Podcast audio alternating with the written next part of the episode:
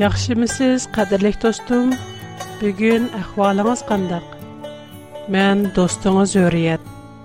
Ýeşil sowgatlar programamyzdaňlygynyňyzda siz Hudaňyň sözi bilen mömnun bolalaýsyz. Keling dostum, programamyz size Hudaňyň haqygy muhabbetini ýetgizip goýmak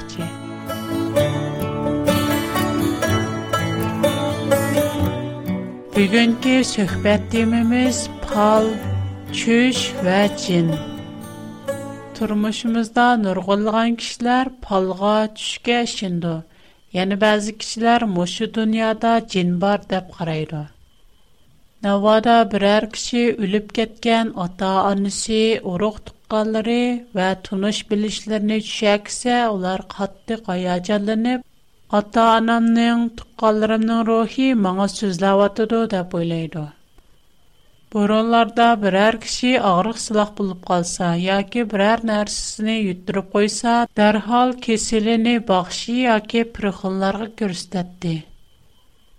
Палчылардың ярдәм тіләп үттіріп ойған нәрсісінің үздірікіне қылатты.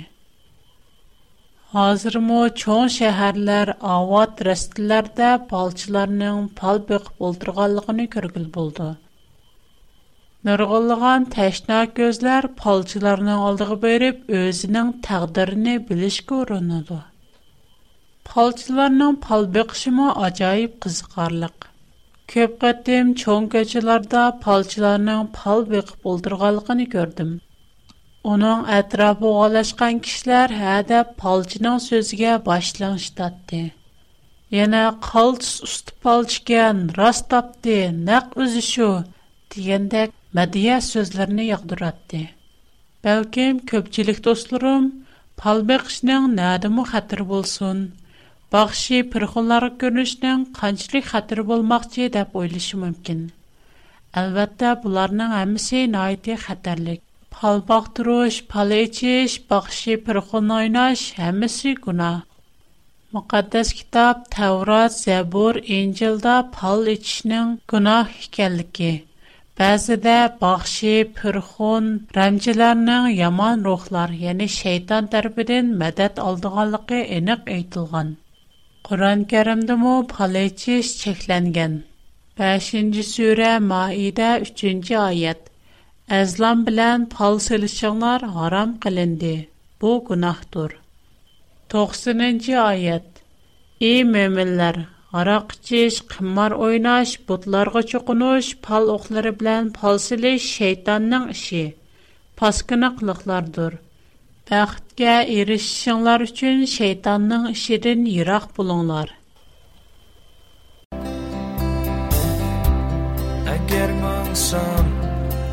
senga yaqinman qo'rqmayman hech yomonlikdan chunki sen rabbim benim bilan hayotliq yo'lim sen ekan Rahatımız Huda Rabbim sen eysan Gençlerin mukaddes Tüvəndən nimiçün pal baxdırış, rəmçigi görünüşdən xətərlik ikənligini Müqəddəs kitab Tavratdakı mono xatirələrdən görüb baxaylı. Саулның рәмчи хутынга мурачат кылганлыгы. Узын өтмәй филистилар кошенне җигеп Исраилларга каршы җан кылды. Самуил вапат булган иде. Исраиллар уныңга матәм тутып йөртте Рамамага дәпне кылды. Саул илгире бүтән палчылар ва рәмчиләрне Исраилиядән чыгып кетишкә мәҗбүрлыгын иде. Филистиларның кошыллары Шүнәм шәһәренең атрафыга йыгылып, баргах курды. Саул Исраилларны топлап, гел ода баргах курды. Филистиларның кошынны көргән Саул интайын куркып, Пәрвәрдигардан кандай кылыш кирәклекен сорады. Ләкин Пәрвәрдигар уныңга төш беләнме, урын беләнме, пәйгамбәрләр беләнме җавап Саул хизмәткәрләргә. Бер рәмч хутын тәп киләңләр. Уныңдан сора пакай, тәп әмер кылды. Эндурада бер рәмч хутын бар. Тәп җавап биришти хизмәткәрләр. Саул кыяптын өзгәртеп, киемләрен яңгышлап, караңгы төшкәндән кин икки кешене яныга алып, әлеге аялның яныга барды. Саул уныңға, «Әруақларыңды сорап бүкіп, бұндың кейін бұлдыған маңа етіп бәр. Мән бір кішінің ісміне айтай. Сән оның рухіні чақырғын. Еліқі аял. Падиша Саулның немі қылғалықыны өзіңіз білсіз. О, палчылар білән бақшыларыны Исраилияден чықып кетішке мәжбір қылған тұрса. Немишқа муңа зянгэшті қилип, Дженимға замын бұлсіз? Диди. Саул унуңа қасам қилип. Менгі аят парвердигара қыда қасам қилименд ки, Сен бу үшын билан Харгез зазаланмайсан. Сізге кемне чагыр бірай? Даб суриди аял. Самуилни. Аял Самуилни күргінеда Қүргінеден вар қырап кәтти. Саулға. «Мені Немишка мәсхыры қылысыз, сез падиша Саулғу?» диди. Падиша Саул аялға Қорқма, немі көрдің?» деп сориди. «Илахтах бір затның ярден чықынни көрдім?» деп жауап барди аял. Оның қияпти қандах кен. Узун пәрэйчгей валған бір бовай чықти. Саул оның Самоил икәлгені біліп, бөрмәт білән ерге баш қойды. Самоил Саулдын. Мені авары қылып, немегі чақырдың? Дәп сөриді. Саул оныңға. Бешімға чоң палакет келді. Филистилар маңа қаршы жән қылмақчы. Худа болса, мені ташлы Бу әмди моңа пәйгамбәрләр аркылыкмы, чүш аркылыкмы җавап бермәйди. Шуңа мен кандай кылышым кирәклеген әйтеп берсен дип үзләренә чакырдым, диде. Парвардигар сине ташлап дип, düşmənin булып калган булса, мине яненем өчен чакырдың. Парвардигар кылганларын Сыңа минең егызым белән яткызган у падишалыгыңны Аллаһка чан тартып Давуд қы тапшорди, чон кисан пәрвердігарның әмріге хылаплы қилип, амалайкларни ва уларның бар югыни піттілі юг адмидың. Шуна пәрвердігар шуна машиндах муаміла қылди. У сини ва исраиларни филистиларға тапшырып бүріду. Атта сан ва оғылдырын мэн бидан бір Pərverdigar İsraillərinin qoşununu Filistinlərinin qulağa ötküzüb bürüdü. Dedi Samuel. Saul qızalanğandan keyin şu keçilər yürüb getdi. Filistinlər bütün qoşununu Affəkkə topladı. İsraillər bolsa bizə El cilğisdiki Östağın boyunda bargah qurdu.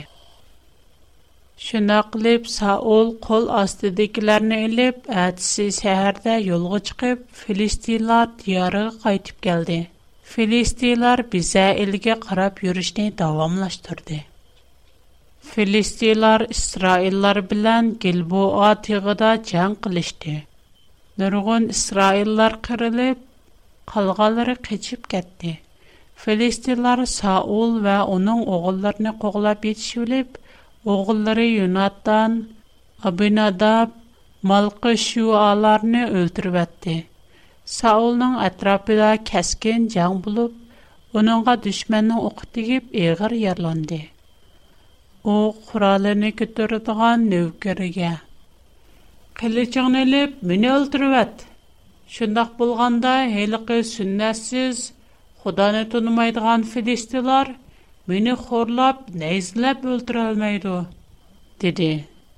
Некен нөвгірі интайын қорқып, онда қылышқа құлы бармыды. Шуңа Саул өз қылчыны соғыр өліп, өзіні қылышның бесіғы таштап үлі валды. Саулның өлгеніні көрген нөвгерму өзіні қылышның бесіғы таштап үлі өліп, Саул білен білі құрбан болды. Саул уның üç оғли ва баш нөвкірнің өлеми манумашындах болди. У кіни Саулның көшіни піттілі ла йалах болди. Йоқуридымен Таврат Самуилның бірінч китаби 28-29-ni bablarini okupettim. Bu bablarinin tarixi arqi kurnishi mandaq. İsraillar Musa peyğəmbərinin yetəkçilikdə Misirdən çıxandan kən çöldəşlərdə bir məzgil sərgərdan olub yurdi. Musa peyğəmbər ölüb getgəndən kən onun yardımçısı Yaşu peyğəmbər Xudanın yetəkçilikdə ətrafındakı yerlərdən zimin ekanladı. O çağlarda İsraillərinin padişahı yox olub, ular təxi birlik gələn dövlət emas idi. Худа шәхсен үзе уларга пайгамбәрләр яки үзе таллыган кешеләр аркылык биваста итехчилек кылды. Исраиллар Муса ва Яши пайгамбәрләрдән кийинки 200 ел мәбайнедә хакимлар дәврге кадам куйды. Худа пайгамбәрләр ва батырларны таллап уларга хаким булышка әвәтте. Худа өзі Аллахиді талған бұ қәвімге шәқсән өзі етәкчілік қылды. Әмма Исраилларның әтрапыдегі башқы мінләлдер Алла қачан мұстәқіл дөләт болып, ұларға падшалар өкімралық қылатты. Самуил пайгамбар Худага вакалдан Исраилларны идара кылып, уларга хаким булып турган мәзгилләрдә Исраиллар атрафыдагы милләтләргә, дәүләтләргә карап, özләргә бер падиша тикләп, дәүләт курышны арзу кылды. Шуның белән Худа Исраилларның арзусын аңлап, Самуил пайгамбарга Саулны Исраилларның падишаһи кылып тикләшне буйрыды. Саул İsraillərinin padişahı bolğandan kən Xudanın əmrinə itaat qılmay əğir günah ötküzdi. Keyin Xuda Самуил peyğəmbərə özünün Davudni Saulun orniga İsraillərinin padişahı qılıb tanlığanlığını aytdı. Bunun bilan Саул Davud peyğəmbərni öldürməkçi boldi. Uzun ötməy Самуил peyğəmbər aləmdən ötdi. Саул ярдәмсез калган пәйттә яны бер кытым найти эгер гунахка патты. Әйне чагда Худа Муса пәйгамбәр ва аның дин кийинки пәйгамбәрләр аркылык барлық барлык бахшида хан Рәмсехригер палчларның һәммәсен куглап чыгырышны, бернимо тирек калдырмаслыкны ухтырган иде. Таврат кануны буенча мошы турдыки барлык сехригер палчы Бақшида халларның әмісі өлтіріләтті. Әйні чағда Саулның өзімі Самаил пейғамбарның сөзіні алап, мұшы түрдікі кішілеріні өлтірген, әм Исраилияден қоғлап чықарған еді. Бірақ өзі қиыншылық дүш келгенде ойлымған ерден өзіні чоңқыр күнақ ташлады. o'lik bilan həbləşishning nəhayəti xətərlik həm əğir günah ikənligini bilib durub, ölgən adamın ruhunu çağırmaqçı boldu.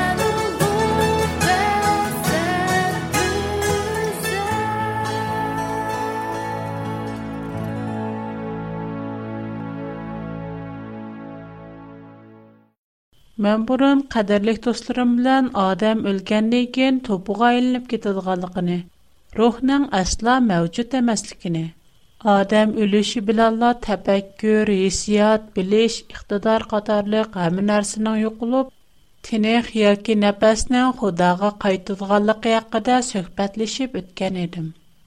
Бүгенки сөһбәтебез дә бу ныктыны яна тәкътирләп үтәм.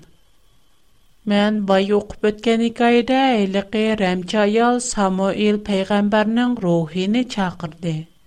Бу зади қандақ іш. Үлгеннен кин рух мәучит болмуса, у рух зади нәдін келди? Яна рухның сөзінан тоғырлықи Саулның үлімі білен іспатландыгу. Көбліген киштілер бұ дуняда джинның мәучитлықы ғы шынды. Bəzi kişilər hətta özlərinin xali yerlərdə tənha, yalğız turğan vaxtlarda qaranğuda cinğa yoluqqanlığını, cinni körgənligini etişidu.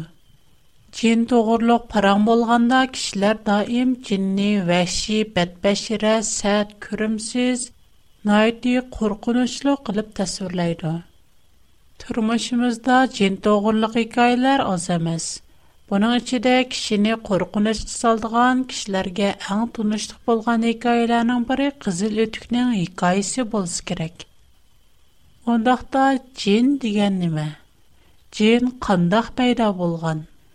Біз қоқыдыған әм ағыз-ағызымызды тегімей яман сөзіні қылдыған джин әмілиетті шайтан вә оның пәріштілердір. Әмілиет үліклер әмәс. Faqat şeytan onlarning tiniga kirib, ularning rolida, ularning siyaqida bizga so'zlaydi, bizni ozdurdi. Buni qandoq bilamiz? Muqaddas kitob Tavrat, Yashaya kitobi 8-bob 19-oyat. Ba'zilar sizlarga palchi va sehrgarlarga murojaat qilishinglar.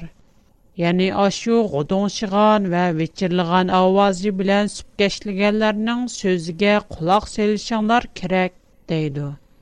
Уларга мондак таңлар: "Бәндә özенең пәрвәрдигары Худага мураҗәгать кылмай, кандак мо терихләр үликларга мураҗәгать кылсын. Димәк, ва сиһригәрләрнең кылганнары интайын хата." Чөнки улар шейтан һәм уның ярдәмчеләргә таянган.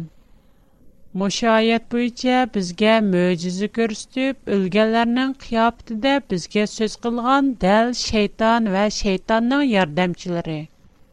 Чөнки мүкъаддас китап Таврат Сулайманның фәнди нәсиһәтләре 9нче бап 5нче, 6нче аят. Үлеп-кеткәннәр һеч нимәне ularga yana inom yo'qdir ular butunlay unutilib ketadi ularning muhabbat nafrat va hasratlarimi o'zlari bilan birga o'ladi degan musha oyat bo'yicha bo'lganda o'liklar hech nima qilolmaydi ularda yana hech qanday qobiliyat yo'q Шуңа палчы sehrgarlardan kelgan мөҗизләрнең hammasi amaliyotda shaytondan kelgan İncil Vəhilər 16-cı bab 14-cü ayət. Çünki bunlar möcüzələr göstərən cinlərin ruhları deydi. O kişilər etqandak aql parasət və güc qudratda insanlardan güclük. Hər xil möcüzələrni yarata alaydı. O nəhayət çiraylı qör qiyafətində yasına alaydı. Həm bədbəşirə cin qiyafətinə girə alaydı. Çünki o əslində bir fərishtə. Əgər biz müqəddəs kitabqa qaraydigan bolsaq, şeytanın əslində nəhayəti qabiliyyətlik, farasətlik və çirayliq fərishtə ikənligini görə biləyimiz. Tövəndə qadirlik dostlarımğa şeytan doğruluq etilgan ayətni oxub birey. İzəkiyel kitabı 28-ci bab 12-ci ayətdən 17-ci ayət keçə. Сән камалет кеткен, ақыл парасетті тошқан, бүтілләй чирайлык едің. Сән үлгірі Худаның беғи Иран бағда әр хил яқытлар білән бізәлген едің. Сән әхті сандықыны епіп тұрдыған пәрешті кероп едің. Сіні Худаның мұқаддәс Сән еңі яртылғанда әмәлірің бүтілләй тоғыр еді. Кенсінің naəhli həqqaniyyətsizlikin aşkarlandı. Sən xudağa böhtən qılğanlıqın üçün seni xudanın təqidin qoğulu vəttim. Sən çıraylıq bulğanlıqın üçün haqavurlıq qıldın. Ruxsarın bilən parastıqını bulğıdın. Mən seni yerge taşdı vəttim. Şündaq, müşayət eytilgandək şeytan astida naiti əqillik, çıraylıq, parasetlik pərişdi biroq u akovurlik qilib xudo bilan o'rin talashqanligi uchun jannatdan haydalgan programma oxirida do'stimga adresimni deb agar men bilan aloqalashishni xohlasangiz qalam va qog'oz tayyorlab qo'ysangiz programma oxirida adresimni xotirlab olasiz shayton bilan birga yana uning yon tayoqlari bo'lgan uchdan bir qism farishtalarmu haydalgan muqaddas kitob injil vahiylar 12-ci bab 3-cü, 4-cü, 7-ci, 10-cı ayətdə şeytanın qanda qeydəlgəlgi doğruluq mındaq deyilgən. Kiyin ərişdiyənə bir karamət, yani 7 başlıq 10 müngüzlük, Бәшйда 7 таҗ бар, кызыл ранглы, чөң бер әҗдәһа күрөнде. У куйрыгы белән көктәге ялтызларның 3-нн беренә сөреп, йәр юзгә төшүреп әйтте. Кин әриштә җан булды. Микаил ва аның фәриштәләре әҗдәһа белән җан булды. Әҗдәһа мо үз фәриштәләре белән оларга ителде.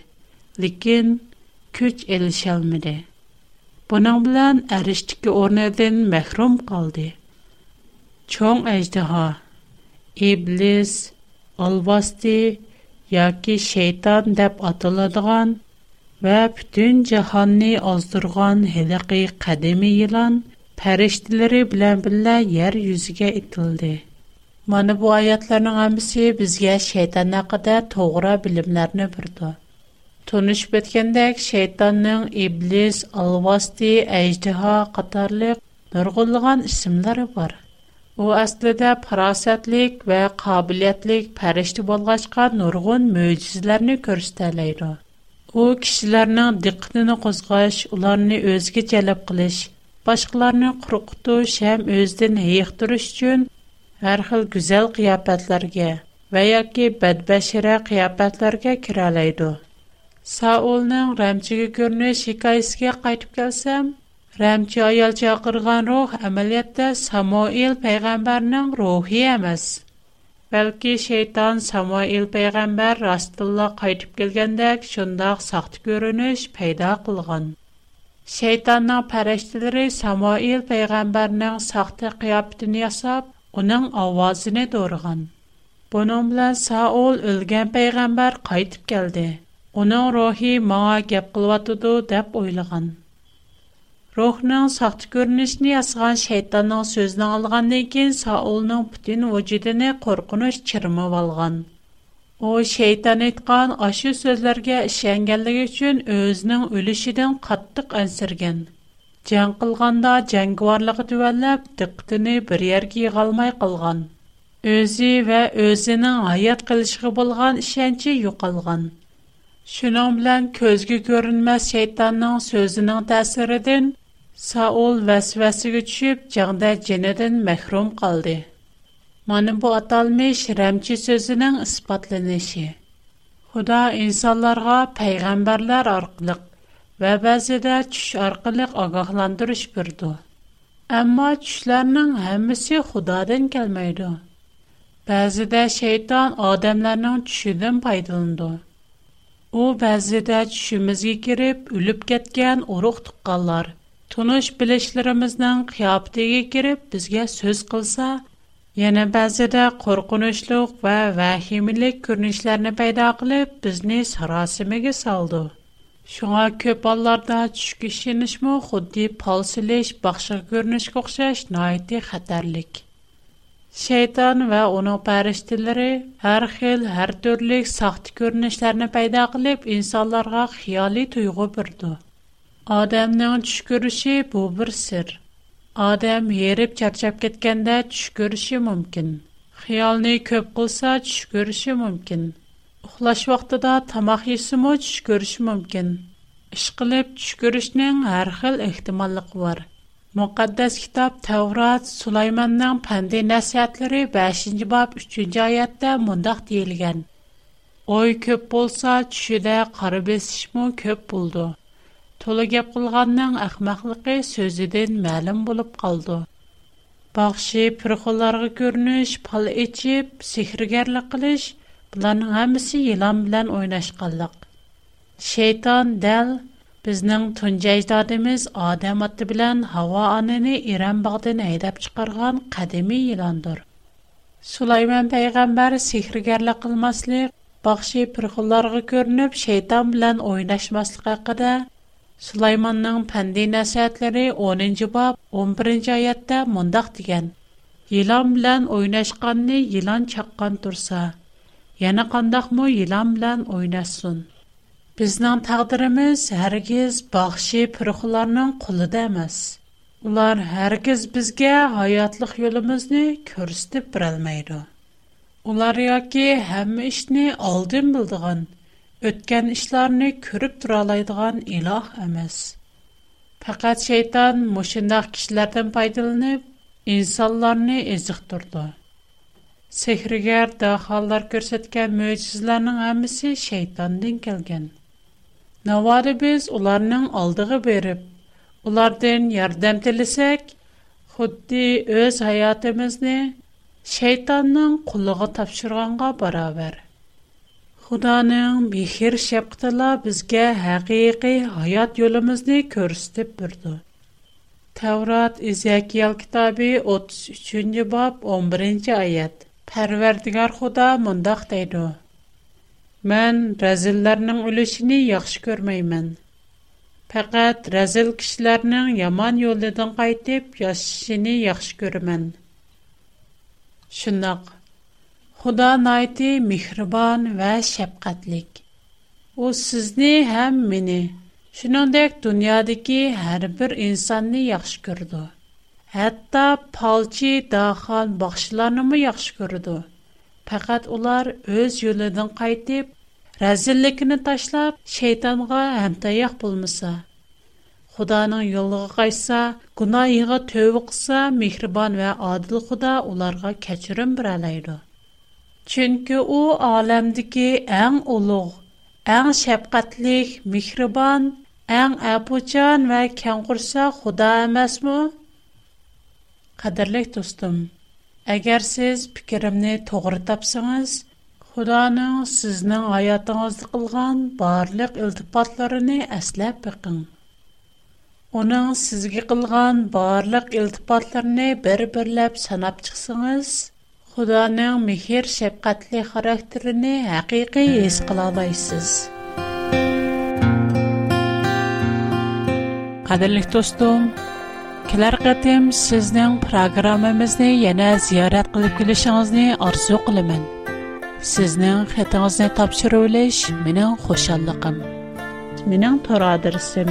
bigfoot.com A W R